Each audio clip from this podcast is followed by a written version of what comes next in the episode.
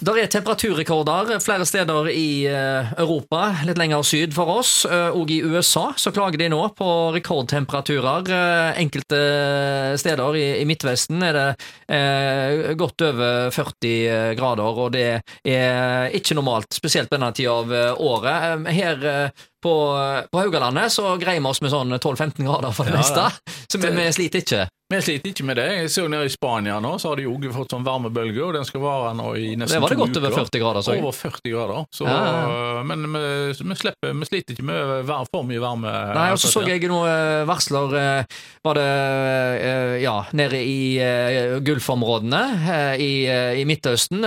Det var der venta nærmere 50 plussgrader, så jeg her eh, til helga. Ja. Så De kunne jo delt noen av de gradene med oss. Det, ja, det det kunne de jeg, for så eh, vidt. ja. Men Så- eh, vi- jeg tror ikke vi skal klage.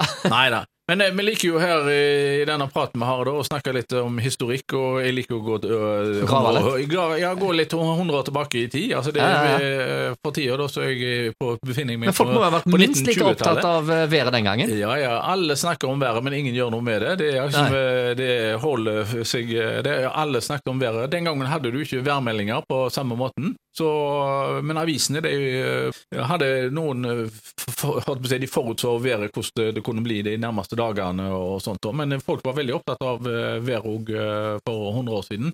Eh, vi klager jo nå over at det er surt sommervær og sånne ting. Så det og, at, og så sier vi at ja, før i tida Så alt så mye bedre. Ja, somrene var varmere, og vintrene var kaldere, og da hadde du snø og sånt. Men altså, jeg har jo da uh, brukt øh, de siste 20 årene på å gå gjennom alle øh, avisene her lokalt øh, 100 år tilbake i tid, og det stemmer jo ikke i det hele tatt. Altså, hvis vi deler det inn i tiårsperioder og sånt da, så kan du si et tiår det inneholder to veldig gode år med go, øh, god sommervarme og oh, ja. fine vintre. Mm. Så har du to år, så du har da er veldig kalde somre, og du har milde vintre, og så får du de seks andre årene, de er sånn gjennomsnittlig. Og det går, hvis du går 100 år tilbake i tid, eller går til 60-tallet eller 70-tallet, så er det jevnt over øh, Akkurat det samme. akkurat det samme. Men hvis vi da ser på 1920-tallet, så var det faktisk eh, litt artig å se at vi hadde flere eh, rekorder. De, de begynner jo å måle temperaturene. Brannstasjonen hadde ansvar for å måle temperaturene. Oh, ja. Det begynner i 1905. Og i 1925, sommeren 25, det var den varmeste som eh, noen gang var blitt registrert eh, da. Da hadde vi faktisk over 30 grader eh, her på Haugalandet og her i Haugesund i eh, mange dager. Eh. Mm, Det var langt. Det, lå, eh, det var 10 grader over eh, normalen. Vi hadde oppe i 32 varmegrader.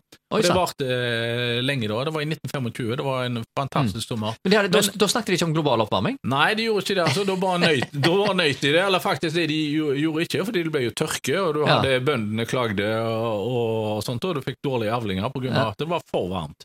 Så det har altså vært eh, godt og varmt òg eh, før i tida. Det er Tor Inge Vormdal som er med oss i studio. Vi skal snakke mer om eh, vær sett i et historisk perspektiv om få minutter.